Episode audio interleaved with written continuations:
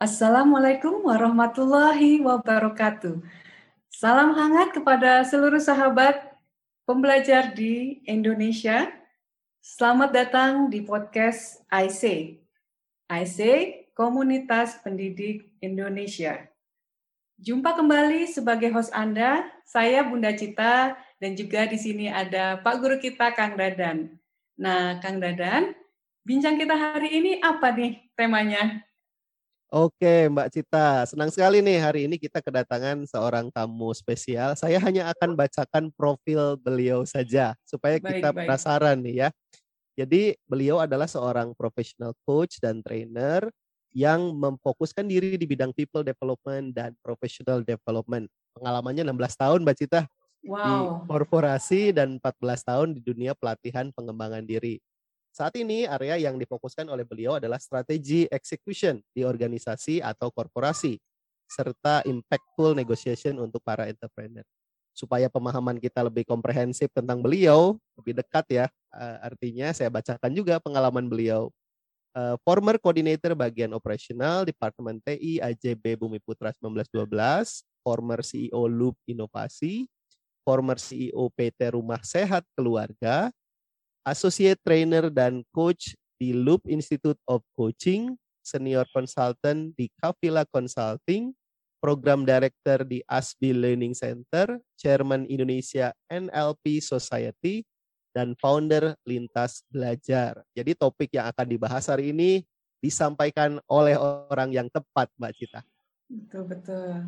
Kita betul ini banyak sekali. pertanyaan untuk Mas Hatta. Halo Mas Hatta, selamat pagi. Halo, Halo selamat Mas pagi. Hatta. Selamat pagi Mas Dadan, Bu Cita. Apa kabar nih hari ini? Alhamdulillah, sehat walafiat. Alhamdulillah. Iya. Kita banyak sekali pertanyaan nih Mas. Apalagi melihat tadi CV-nya sangat-sangat impresif, menarik sekali. Mudah-mudahan para sobat eh, sahabat pembelajar juga uh, tertarik ya, maksudnya dengan dengan apa yang akan kita diskusikan Waduh, mudah-mudahan ya. Mudah-mudahan manfaat. Baik, aku langsung mulai ya. Boleh, Mas, boleh, boleh. Mas Hatta. Yes. Kenapa sih sebenarnya uh, memilih terjun di bidang people development atau di pengembangan manusia ya? Ya, ya aku memilih terjun di people development setelah sebelumnya di IT ya, jadi uh, pindah jalurnya lumayan jauh. Itu hmm. karena apa ya? Menemukan uh, sebuah uh, bukan hobi ya, mungkin passion ya, sebuah passion, hmm. sebuah dorongan hati yang mungkin ketika bisa membantu orang, ketika bisa membuat orang lebih baik, lebih uh, berkembang gitu ya, itu ada kesenangan tersendiri Bu Cita. Hmm. Gitu. Jadi jadi ya akhirnya bismillah terjun ke people development. Oke. Tadi kan Mas Sata menyatakan kalau awalnya dari hmm. dunia IT boleh dong gitu kan hmm. diberikan sedikit ceritanya dari IT kemudian bagaimana proses penyesuaian ke yeah, dunia yeah. Uh, people development. People developmentnya ya. Oke, jadi perjalanannya cukup panjang, Mas Dadan, Bu Cita. Jadi saya tuh awalnya memang IT. Dari kecil tuh saya suka IT ya. Dari kecil saya sudah suka IT. Kemudian uh, lulus SMA, saya SM, SD sampai SMA di Papua. Dari TK bahkan ya di Papua. Kemudian lulus SMA saya memang karena sudah suka IT, saya kemudian nyari kuliahnya kuliah IT. Hmm. Ya, hmm. jadi saya kuliah di uh, Gunadarma Depok itu uh, kuliah IT, kemudian bekerjanya pun IT ya di bidangnya hmm. bidang IT, departemen IT. Nah, uh, kurang lebih 10 tahun dan memang uh, ambil spesialis di sana, ambil kursus-kursus spesialis di pekerjaan inilah di kantor inilah saya kemudian membuat titik balik. Mas Dadan. Jadi hmm. saya mengikuti sebuah pelatihan, pelatihan karyawan pada saat itu dan ada materi tentang uh, pengembangan diri gitu ya. Dan entah kenapa kok saya tertarik banget gitu. Suka banget ngelihatnya. Jadi yang pertama apa bagaimana berkomunikasi dengan orang, bagaimana ketemu orang, menyapa orang, bersosialisasi itu diajarkan di pelatihan itu kok enak gitu. Ya, kayak menemukan sesuatu gitu ya dan kemudian saya setelah dari pelatihan itu saya cari-cari, wah ini uh, ada ada ilmu-ilmunya ya. Saya coba belajar. Nah, belajar itu makin tertarik nih. Ya, makanya setelah belajar, kemudian saya akhirnya ah coba-coba terjun nih di dunia people development ya, training pada hmm. saat hmm. itu. Ya, ya keterusan sampai sekarang. keterusan menarik, sampai menarik. sekarang. Mas gitu. Atta, yes. berarti kalau tadi dikatakan bahwa uh, berubah ya dari hmm. IT kemudian menjadi uh, trainer. Kondisi hmm. saat ini kan sekarang lagi pandemik begini nih. Iya, Bagaimana betul. nih Mas Hatta uh, bisa bertahan di situasi seperti saat ini? Ya, kalau sekarang sebenarnya gini, kalau saya melihatnya, ini sudut pandang saya ya. Saya ya. melihatnya pandemik ini bukan kemudian akhirnya dunia, kan dunia belum kiamat ya. Artinya bahwa kalau dari sudut pandang saya, ini hanya merupakan perubahan pola. Jadi pandemik ini me, dalam tanda kutip memaksa kita merubah pola. Pola hmm. yang tadinya offline, ketemu hmm. langsung hmm. ya, hmm. baik uh, dari pekerjaan, dari kantor, baik yang berusaha di pasar mungkin, yang jualan punya toko, guru, siswa, hmm. Hmm. semuanya sekarang punya pola baru. Jadi hmm. kal, uh, yang sekarang kita lihat ya online ya kalau siswa ada PJJ ya sekarang pembelajaran jarak jauh gitu atau kemudian di training-training juga kita sekarang melaksanakan secara online atau hmm. atau uh, uh, apa during ya. Nah, during. jadi hmm. ini perubahan pola kalau menurut saya sehingga kalau ditanya bagaimana bertahannya, ya accept perubahan itu. Kalau hmm. saya ya accept perubahan itu hmm. dan kemudian belajar uh, masuk ke dalam pola yang baru dan ya bermain bermenari bersama di pola yang baru ini gitu Bu hmm. Cita. Hmm. Mas ini menarik kan hmm. Mas Hatta kan sudah bergelut di bidang ini cukup lama nih gitu di iya, people ya, development betul. ini gitu kan. Hmm, hmm, uh, bagaimana dengan range dari audiens yang Mas training gitu kan? Apakah memang hanya uh, sorry adult learner aja atau termasuk hmm. juga siswa dan mahasiswa itu bagaimana Mas? Sejauh ini cakupannya luas ya. Jadi hmm. saya memang awal-awal itu masuknya ke uh, publik. Jadi publik itu mereka-mereka yang usia-usia produktif gitu ya. Uh, setelah usia sekolah, usia produktif tapi umum. Kemudian makin ke sini makin masuk ke corporate. Ya, hmm. makin ke sini makin masuk ke corporate. Hanya dari 2008 itu ada itu memang ada project waktu itu, ada project dan kemudian saya masuk ke sekolah. Nah, mulai dari hmm. dua sorry 2018 ya, maaf saya 2018 saya mulai masuk ke sekolah itu ya sampai sekarang itu um, ini ada juga walaupun corporate masih tapi kayak range-nya lebih luas ya. Jadi guru-guru kemudian uh, siswa ya uh, hmm. yang lalu 2018 2019 itu sempat uh, megang satu proyek SMK se-Jawa Timur. Hmm. Nah, jadi uh, melatih guru-guru, latih siswanya gitu dan saya rasa asik ya kenapa? Karena yang tadi saya bilang saya eh, mungkin saya punya passion untuk pengembangan dan saya lihat hmm. kalau itu dimulai dari sekolah itu uh, lebih apa ya perjalanannya lebih komplit eh komplit ya, ya lebih lengkap hmm. karena hmm. ya dari uh, awal mereka-mereka yang masih belajar itu sudah di apa ya diberikan ya pelatihan bukan hanya hmm. materi-materi sekolah tapi kemudian ada pelatihan-pelatihan bagaimana mereka bisa mempunyai visi ke depan, misi ke hmm. depan, kemudian mereka bisa menyusun nanti bagaimana mereka akan melangkah step-stepnya apa saja gitu.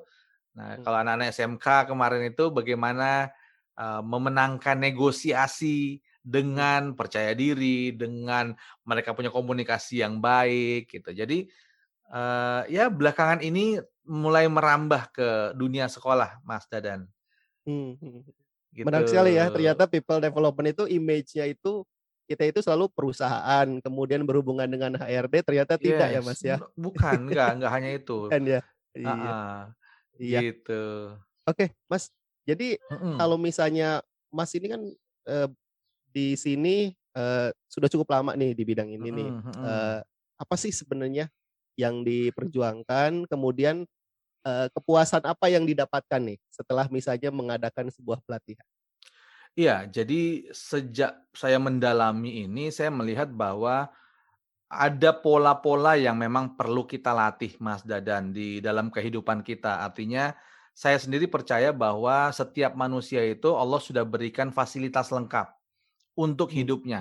Mau dibilang dia manusianya normal secara fisik, mau dibilang dia ada disabilitas gitu ya, tetap hmm. saja ada kelebihan, ada uh, fasilitas yang Allah berikan. Tidak mungkin saya biasa bilang ya, di beberapa pelatihan saya saya bilang begini, Tuhan tuh tidak pernah iseng menciptakan kita. Hmm. Ya, jadi pasti dikasih fasilitas untuk kita bisa menjadi hamba dan bisa menjadi khalifah, menjadi pemimpin. Dua hmm. dua peran manusia di dalam uh, dunia kan gitu. Maka hmm. kalau dalam dua peran itu dikasih fasilitas, bagaimana kita mengoptimalkan fasilitasnya? Kita nggak bisa ngoptimalin kalau kita nggak kenal gitu kan. Hmm. hmm. Nah dari situlah kemudian saya uh, kepikiran ingin berkontribusi, memperkenalkan fasilitas-fasilitas yang sudah Allah kasih. Misalnya apa? Hmm. Bagaimana kita bisa berpikir, bagaimana kita bisa menjadi uh, kapten atas pikiran kita, sutradara atas hmm. pikiran kita sendiri. Hmm. Bagaimana kita bisa melihat perubahan-perubahan pola, menyesuaikan diri karena kita punya kemampuan untuk beradaptasi. Ada yang tidak digunakan, ada yang digunakan. Bagaimana kita punya kemampuan komunikasi itu dioptimalkan dan itu dahsyat bisa bisa membantu kita menjalani setiap setiap episode-episode hidup kita, Mas Dadan. Namun hmm. yang saya lihat ya termasuk ini yang saya alami sendiri, semua yang saya ceritakan ini pertama saya alami sendiri dulu gitu ya, baru kemudian saya hmm. melihat ke luar. Adalah uh, banyak yang kemudian karena uh, terpaku atau ter, dalam tanda kutip ya terpenjara pola-pola yang rasanya nggak bisa berubah menurut mereka, padahal bisa. Hmm pola hidup pergi pagi pulang malam, pergi pagi pulang malam. Tidak ada yang salah dengan bekerja pergi pagi pulang malam. Tapi ketika mereka bekerja sudah dengan tujuan, sudah dengan niat yang benar, tujuan yang jelas, langkah yang jelas, maka pekerjaannya itu punya meaning. Berbeda hmm. dengan orang yang hanya mengikuti rutinitas. Hmm. Sayangnya menurut saya, yang saya lihat, saya uh, sering nanya-nanya gitu ya, termasuk saya juga pernah mengalaminya adalah hanya sekedar menjalankan rutinitas, Mas Dadan. Hmm Hmm. Itu yang kemudian uh, kalau ditanya apa sebenarnya yang ingin saya kontribusikan, yang ingin saya rubah, hmm. yang membuat saya kok jadi suka banget dengan ini adalah hmm. ya manusia tuh yang tadi saya bilang punya fasilitas yang bisa kita gunakan. Hmm. Gitu Mas Dadan. Ini seperti saya mengikuti sesi pelatihannya Mas Hatta nih. Langsung ya Mas ya. Langsung. Dicatat Mas, dicatat. ya. Jadi banyak manfaat, Masya Allah. Amin. Terima kasih. Mas Hatta gitu, berarti yes. uh, kalau memang uh, yang diperjuangkan itu adalah hmm. bagaimana uh, memberikan uh, cara berpikir ya, cara berpikir hmm. dari pola yang sebelumnya menjadi pola yang lebih berdaya, mungkin itu iya, Uh, namun kan setiap orang pasti dia punya namanya uh, value atau yes, kebiasaan betul. yang tadi Mas Hatta bilang uh, mereka sudah merasa sulit untuk berubah gitu kan. Ya, nah ya, tantangannya ya. ketika Mas Hatta sudah di uh, training atau uh, itu pakai apa ininya uh, caranya supaya orang tuh bisa berubah gitu intinya. ya, tantangannya kalau, bagaimana? Ya kalau misalnya saya training atau coaching gitu ya sebenarnya banyak orang itu yang hanya belum sadar. Mereka tahu, hmm. tapi belum sadar. Artinya belum betul-betul fokus dan melihat bahwa itu penting bagi mereka. Banyak yang kemudian ada baik di training, baik di coaching ya, coach-coach saya maupun training saya itu hanya meminta mereka untuk melihat kembali episode hidup mereka, melihat dari sudut pandang yang lebih luas gitu. Uh, mereka menemukan sebuah awareness kesadaran bahwa oke okay, ternyata selama ini mereka uh, yang tadi yang saya bilang tadi terjebak dengan apa namanya terjebak dengan rutinitas terjebak dengan pola-pola yang seolah-olah itu menjadi sesuatu yang tidak bisa melihat keluar jadi kacamata kuda hmm. gitu nah jadi ketika saya memberikan apa ya coaching atau training hanya kemudian meminta mereka melihat dari perspektif yang lebih luas melihat dari perspektif yang berbeda gitu ya itu mereka menemukan sebuah kesadaran dan dari situ mulai menyusun tujuan. Jadi hmm. menyusun tujuan, kemudian setelah menyusun tujuan menyusun langkah-langkah, setelah menyusun langkah-langkah menyusun kalau saya biasa bilangnya pit stop ya. Karena hmm. kan kita kalau mau langsung ke tujuan tuh berat ya, tapi kita punya tujuan-tujuan lebih pendek, lebih mudah kita capai. Ya sehingga dari situ alhamdulillah uh, ya cukup banyak yang kemudian uh, mengalami atau mendapatkan awareness dirinya sendiri sehingga mereka mau berubah. Hmm. Gitu, okay. Bu Cita. Menarik ya, Mbak Cita dan, iya, dan iya. cerita-cerita dari dari Mas Hatta gitu ya. Nah, uh, itu kan bagaimana Mas Hatta me, apa namanya ya, hmm. uh, me, menyelesaikan gitu kan, mensolusikan tantangan yang ada. Boleh dong diceritakan tentang success story atau kepuasan yang didapatkan ketika uh, dari ratusan training yang dilakukan oleh Mas Hatta ini, uh, yeah. success story-nya atau cerita bahagianya nih kepada kita. Iya, uh, kalau saya sendiri hampir semua pelatihan itu saya punya success story. Jadi artinya hmm. Saya menganggap semua pelatihan itu berhasil. Hmm, hmm. karena karena setiap pelatihan punya cerita tersendiri. Uh, ada beberapa yang mungkin punya uh, intensitas lebih ya. Itu seperti waktu itu saya pernah uh, pelatihan di di ada beberapa kali misalnya di Papua gitu ya di Manokwari pada saat itu saya training kemudian yang happy di situ adalah saya training dan bisa menggunakan bahasa sehari-hari saya dulu bahasa sehari-hari apa, Mas? Maksud bah ah, dialek ya, dialek dan oh, dialek. Uh, beberapa bahasa kosakata Papua yang bisa saya gunakan ah. dengan leluasa. ah, okay, okay, okay. Karena ya, saya ya. kembali ke kampung halaman gitu ya. Oh iya iya. iya. Nah, terus kemudian uh, itu happy banget dan kemudian bisa berinteraksi dengan mereka, mereka happy banget. Ketika peserta happy sebenarnya yang paling happy adalah kita. Ketika mereka mendapatkan sebuah awareness yang saya yakin awareness itu kesadaran itu pencerahan itu datangnya dari Tuhan. Alhamdulillah saya sangat bersyukur karena Tuhan memberikannya melalui saya. Ya, hmm. jalannya tuh lewat saya gitu.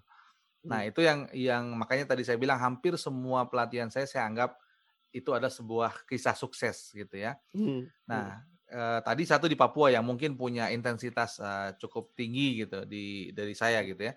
Kemudian ada juga misalnya eh, pernah ada beberapa pelatihan-pelatihan yang setelah itu eh, mereka bisa memperbaiki kehidupan misalnya yang tadinya hmm. stres yang tadinya hmm. apa bingung mau ngapain hmm. gitu ya nah, mereka bisa bisa mengikuti setelah mengikuti pelatihan itu mereka punya perubahan dan hmm. siswa yang saya cerita hmm. waktu di di uh, Jawa Timur ya Jawa Timur iya. Malang ya. waktu itu itu mereka alhamdulillah beberapa respon itu mereka mengikuti wawancara, mereka mengikuti tes-tes bekerja, itu banyak yang diberi kemudahan gitu.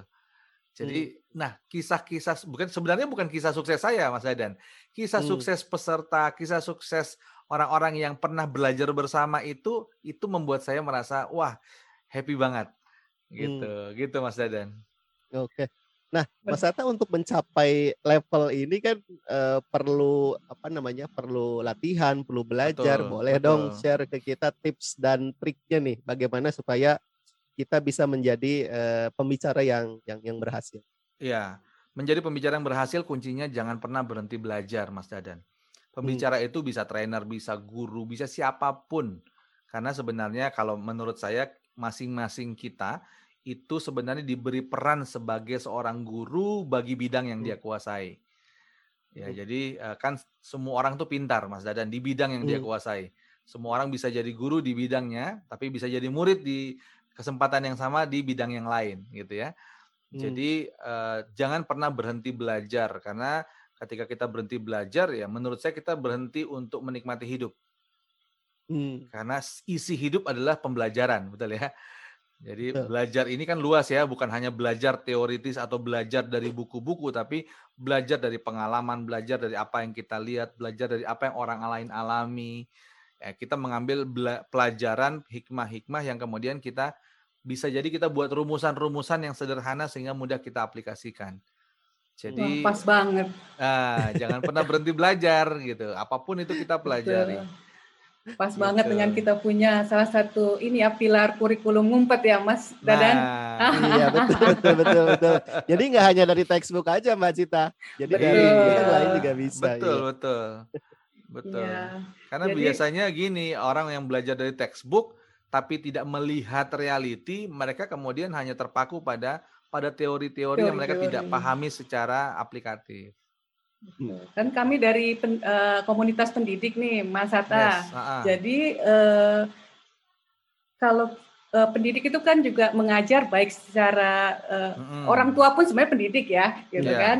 Mm. Guru pun pendidik, uh, mm. masyarakat pun sebenarnya mendidik, memberi pengajaran pada betul, setiap betul. orang kan. Nah, kemudian betul. tadi Mas Hatta bilang bahwa ketika uh, impact uh, mengajar kemudian mm. tidak hanya dirasakan Mas Hatta mentransfer ilmu, tapi hmm. juga dirasakan oleh uh, para hmm. ininya ya pesertanya kan gitu yeah, ya, yeah, yeah, pendidiknya, yeah, studentnya. Yeah, yeah. Nah itu ketika itu terjadi, bagaimana Mas Hatta ah. merefleksikan perjalanan ini terhadap hmm. uh, keseharian atau kehidupan Mas Hatta? Iya, jadi ketika yang tadi saya bilang kisah sukses tadi itu dialami hmm. juga bukan hanya saya pada orang lain juga gitu ya dan bahkan orang lain dulu yang kemudian dari situ saya merasa uh, ada kebermaknaan Bu Cita bahwa oh ya, alhamdulillah saya bermakna gitu ya. Nah, kemudian dari situlah kemudian kalau bilang refleksi uh, saya biasanya merefleksikannya dengan apa ya kesyukuran mungkin ya sesuatu yang hmm. betul-betul uh, ini adalah amanah, ini adalah peran yang Allah kasih gitu ya. Yang kemudian dari situ, dari peran-peran itu uh, saya bisa mengoptimalkan yang di bagian mana yang bisa saya optimalkan. Karena uh, yang tadi saya bilang di awal bahwa kalau kalau yang saya pelajari itu adalah manusia diciptakan punya dua peran utama sebagai hmm. khalifah atau pemimpin dan sebagai hamba atau uh, ya sebagai hamba gitu ya, maka pemimpin to lead dan hamba to serve. Hmm. Ya, maka dari sini dari lead dan serve ini peran apa yang bisa kita lakukan untuk lead dan untuk serve hmm. kepada Tuhan, kepada diri hmm. sendiri, kepada orang lain. Nah, hmm. ini yang kemudian menjadi satu satu apa ya, satu hikmah setiap perjalanan itu menjadi dapatkan hikmah oke okay, ini peran saya dan saya optimalkan di sini ini peran saya untuk lead ini ketika training saya lead mereka ketika hmm. saya coaching saya serve mereka untuk menemukan dan ya alhamdulillah itu uh, ya perjalanan ya namanya perjalanan semuanya ada pengalaman ada pembelajaran Bu Cita. Hmm. Hmm. Iya uh, Mas Hatta nih barusan yes. Mas Hatta ada ada perkataan-perkataan yang membuat saya bertanya-tanya nih Mas Mas Hatta ah. menyatakan train kemudian mengatakan ah. coach. coach. Boleh nggak dijelaskan lebih lanjut tentang trainer, mentor, coach gitu supaya kita yeah. semua bisa lebih memaha, memiliki pemahaman yang lebih komprehensif tentang yeah, uh, ketiga yeah. hal tersebut. Ya, memang ada kadang-kadang orang masih suka campur-campur ya tapi sebenarnya berbeda secara uh, pemahaman atau secara aplikasinya berbeda. Seperti halnya dokter ya, dokter kalau uh, pasiennya sakit apa gitu sakit kepala ya dikasih obat untuk penyakitnya harus tepat sama kita juga dalam konteks pengembangan manusia, pengembangan diri, pengembangan sumber daya manusia gitu ya. Kita harus tahu bahwa apa yang uh, dibutuhkan dan apa yang akan kita berikan. Jadi ada namanya trainer trainer, hmm. training ya, training hmm. yang mengajarkan namanya trainer. Training itu kita mentransfer knowledge. Ya, mentransfer knowledge, mentransfer pengetahuan, ilmu yang kita punya. Ya. Bisa jadi kita punya pengalaman, bisa jadi kita nggak punya pengalaman, tapi kita punya ilmunya. Hmm. hmm Makanya ada yang namanya praktisi, ada yang namanya akademisi. Akademisi hmm. belum tentu praktisi gitu kan. Karena yang dia lakukan adalah train, mendidik, memberikan knowledge. Beda halnya dengan mentor. Nah, kalau trainer itu memberikan, dia memberi tugasnya. Kalau mentor, tugasnya adalah memberi dan mendampingi. Dia hmm. memberi dari pengalaman-pengalaman yang pernah dia eh, lakukan, dari best practice yang pernah dia uh, jalani gitu ya. Kemudian dari situ dia memberikan pendampingan, dia memberikan arahan, pengajaran secara best practice, secara uh, pengalamannya dia serta pengetahuan kepada mentinya. Nah, hmm. ini yang berbeda antara trainer dan mentor ya. Jadi kalau trainer cuma knowledge-nya aja. Hmm. Nah, kemudian uh, ada coach ya. Coach kalau coach itu lebih kepada dia menggali, mengeksplorasi potensi yang ada di dalam diri. Nah, jadi misalnya ada potensi-potensi yang terpendam yang belum keluar, si coach tugasnya adalah menggali, menggali, membangun awareness si coachy ya, si orang yang di coach supaya dia menyadari akan potensinya, dia menyadari akan kemampuan dirinya atau hal-hal yang bisa dia lakukan untuk kemudian dia mencapai tujuannya. Hmm. Jadi secara aplikasinya berbeda. Hmm, hmm. Gitu Mas Dadan. Oke, lebih jelas Mas sekarang. Ini di komunitas uh, eh, IC kan kami komunitas hmm. pendidik ya Mas ya. Pendidik, uh, betul. Jadi ya menurut Mas Hatta ini mana nih yang bisa kita fokuskan untuk mengembangkan pendidik? Apakah sebagai trainer atau sebagai mentor atau sebagai coach? Tiga-tiganya Mas Dadan. Hmm. Tiga-tiganya. Kenapa saya bilang tiga-tiganya? Apalagi saya sempat dengar tadi kurikulum ngumpet ya. Sempat hmm. waktu itu saya uh, ngob, apa waktu ngobrol-ngobrol yang dulu gitu saya pernah ya, ya. dengar dari Mas Dadan, Bu Cita gitu bahwa trainer itu adalah ya seperti guru biasanya mengajarkan di depan kelas. Dia mengajarkan di depan kelas ilmu-ilmunya gitu ya. Uh, yang dia sudah pernah pelajari, dia sudah tahu ilmunya secara ilmu dan kemudian ditransfer kepada peserta didiknya. Itu sebagai trainer sebagai mentor, guru pasti punya pengalaman hidup, pernah punya misalnya pengalaman entah di bidang yang sama dengan apa yang diajarkan atau mungkin di bidang lain. Pengalaman itulah yang dia transfer kepada siswa didiknya, entah misalnya pengalaman hidup, dia memberikan uh, nasihat, arahan kepada siswa didiknya gitu ya, tentang bagaimana sih kamu harus begini, kamu harus uh, kuat, jangan mudah menyerah, apa segala macam itu, itu bisa jadi karena pengalaman hidupnya si guru yang di, diceritakan. Pengalaman-pengalaman baik menjadi hal yang bisa diikuti, bahkan mungkin pengalaman buruk untuk dihindari oleh peserta didiknya. Itu juga perlu saya rasa untuk disampaikan. Sebagai coach, nah guru juga perlu paham bahwa siswa didik itu punya potensi. Hmm. Masing-masing hmm. orang yang tadi saya bilang Tuhan menciptakan setiap orang itu dengan fasilitasnya ya dengan potensinya. Maka tugas guru yang yang sebagai coach adalah atau teacher as a coach adalah bagaimana seorang guru mampu menstimulasi kreativitas siswanya, menstimulasi proses berpikir siswanya untuk mereka bisa bisa mengoptimalkan apa yang mereka punya. Nah, itu sebagai coach, bukan didikte ya, tapi kemudian hanya hmm. distimulasi aja. Distimulasi, hmm. ditanyakan, di-challenge, ditantang dengan tugas-tugas, di-challenge dengan hal-hal yang mungkin itu akan mengolah kreativitas siswa gitu ya. Itu fungsi as a coach. Jadi guru bisa melakukan tiga-tiganya dan itu bisa makin optimal dalam dalam mendidik, membangun, mengembangkan siswa. Siap. Berarti perlu training nih Mas di kami di IC. Mudah-mudahan ada ada kerjasama ya. Mas Cita kita tunggu nih program Amin. program Amin. kerjasama IC dengan Mas Hatta karena kami Amin. sebagai komunitas pendidik, saya sebagai guru Ya, Tampaknya ya. banyak hal baru Mas ini yang yang kami dapatkan gitu ya di di, di ya, konsep ya. trainer, mentor dan coach ini. Mudah-mudahan di eh, sesi selanjutnya atau di kegiatan selanjutnya eh, nanti eh, sahabat pembelajar bisa mengikuti program eh, eh, training bersama Mas Hatta ya. Amin, amin. Siap. Ya.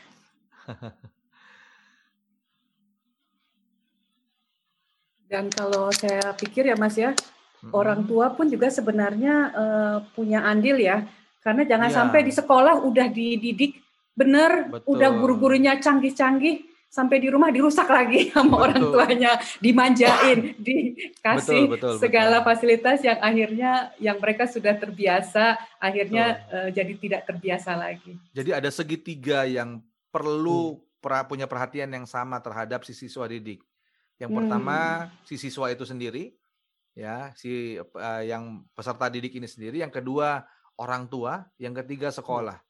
Jadi hmm. kalau mau hmm. bilang keberhasilan mutu dari siswa didik itu itu tergantung menurut saya ya tergantung hmm. tiga tiga komponen ini bagaimana si siswa hmm. dan bagaimana si orang tua juga mendukung memberikan support dan bagaimana si tempat didiknya sekolah gitu ya nah, ini juga bisa punya peran yang tiga-tiganya punya peran yang luar biasa untuk memastikan bahwa kualitas si siswa ini betul-betul menjadi kualitas yang unggul.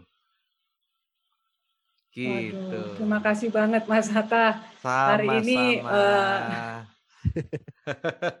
merasa seperti apa ya terempower lagi ya kita untuk uh, berdaya kita untuk memanfaatkan lagi mengingat kembali fungsi dan uh, kita punya role sebagai orang tua, sebagai pendidik juga kita sebagai pembelajar juga sebenarnya karena salah iya. satu pilar ASN nggak berhenti belajar, belajarlah sepanjang hayat. Wah, kurang lebih seperti biasa. itu. Betul, betul, betul. Setuju. iya. Setuju, Terima kasih atas obrolan hari ini.